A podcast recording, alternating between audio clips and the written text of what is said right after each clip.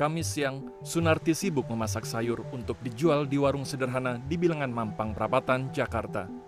Sunarti mengaku setiap hari menghabiskan 2 hingga 3 tabung gas 3 kg yang ia beli dari pedagang gas keliling seharga Rp22.000 per tabung. Dalam satu bulan, Sunarti setidaknya menghabiskan Rp850.000 untuk membeli gas subsidi tersebut. Karena itu, Sunarti mengaku tidak setuju jika harga gas 3 kg naik. Enggak setuju mas, karena kalau naik nanti imbasnya ke mana-mana, semua jadi naik gitu. Pengennya ya udahlah nggak usah naik gas, tetap harganya segitu gitu. Kalau kalau bisa gitu, ya saya mohon dengan sangat kalau harganya naik tuh pasti ke mana-mana naiknya. Tutut Wulandari, ibu rumah tangga ini keberatan jika harga gas LPG 3 kg tidak lagi disubsidi.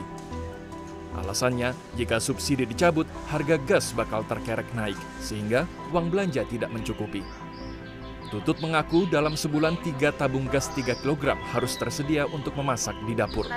Saya si ibu rumah tangga, terus DP gitu saya kena PHK juga waktu itu akibat uh, corona ya. Uh, suami sekarang yang bekerja, suami juga selama corona ini apa WFH tapi gajinya dipotong seperti itu. Kalau menurut saya sih nggak setuju ya seperti itu. Sebelumnya, pemerintah berencana mengubah skema penyaluran subsidi LPG 3 kg agar lebih tepat sasaran. Skema pemberian subsidi diubah menjadi subsidi langsung ke masyarakat rentan dan miskin berupa uang tunai atau bantuan sosial kepada penerima manfaat. istilah tepat sasaran itu nanti tergantung kepada kesiapan juga dari data DTKS.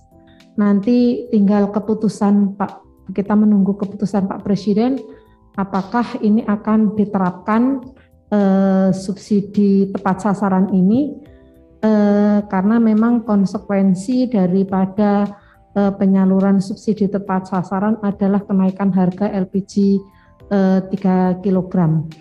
Surya Ningsih menambahkan, Kementerian ESDM telah melakukan uji coba pemberlakuan subsidi tepat sasaran LPG 3 kg dengan teknologi biometrik di bawah koordinasi Bappenas. Di samping itu, PT Pertamina juga direncanakan segera melakukan pengujian penyaluran dengan aplikasi My Pertamina. Agung Happy, Maranata, Jakarta.